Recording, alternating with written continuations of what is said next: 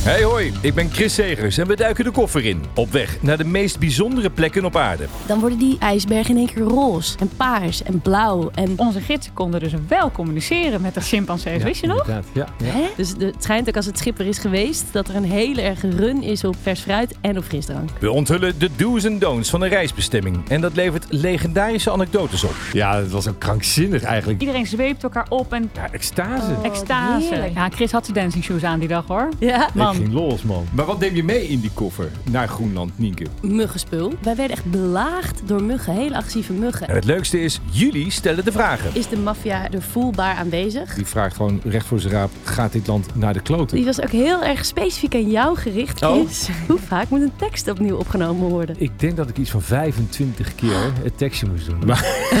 Altijd al afgevraagd hoe het er nou echt achter de schermen van een reisprogramma aan toe gaat. Spoiler alert, niet altijd zoals gepland. Ze hebben gewoon letterlijk dat vliegtuig voor ons tegengehouden. In welke andere plek zou je dat meemaken? Maar soms zag je ook wel eens een busje langs rijden met mensen die op weg waren naar nou, de kerk of, eh, of naar een bruiloft of iets dergelijks. En die werden dan staande gehouden door de politie, moesten uitstappen en even eh, aan de slag. Cultuur, schattige oude mannetjes. Heb ik het niet over Chris? Dan heb ik het over niet over zo. Fasten your seatbelts, we're ready for takeoff. Vanaf 28 maart elke week weer nieuwe afleveringen van De Koffer In met Drie op Reis. Beluister ze via de 3FM-app of je favoriete podcastplatform.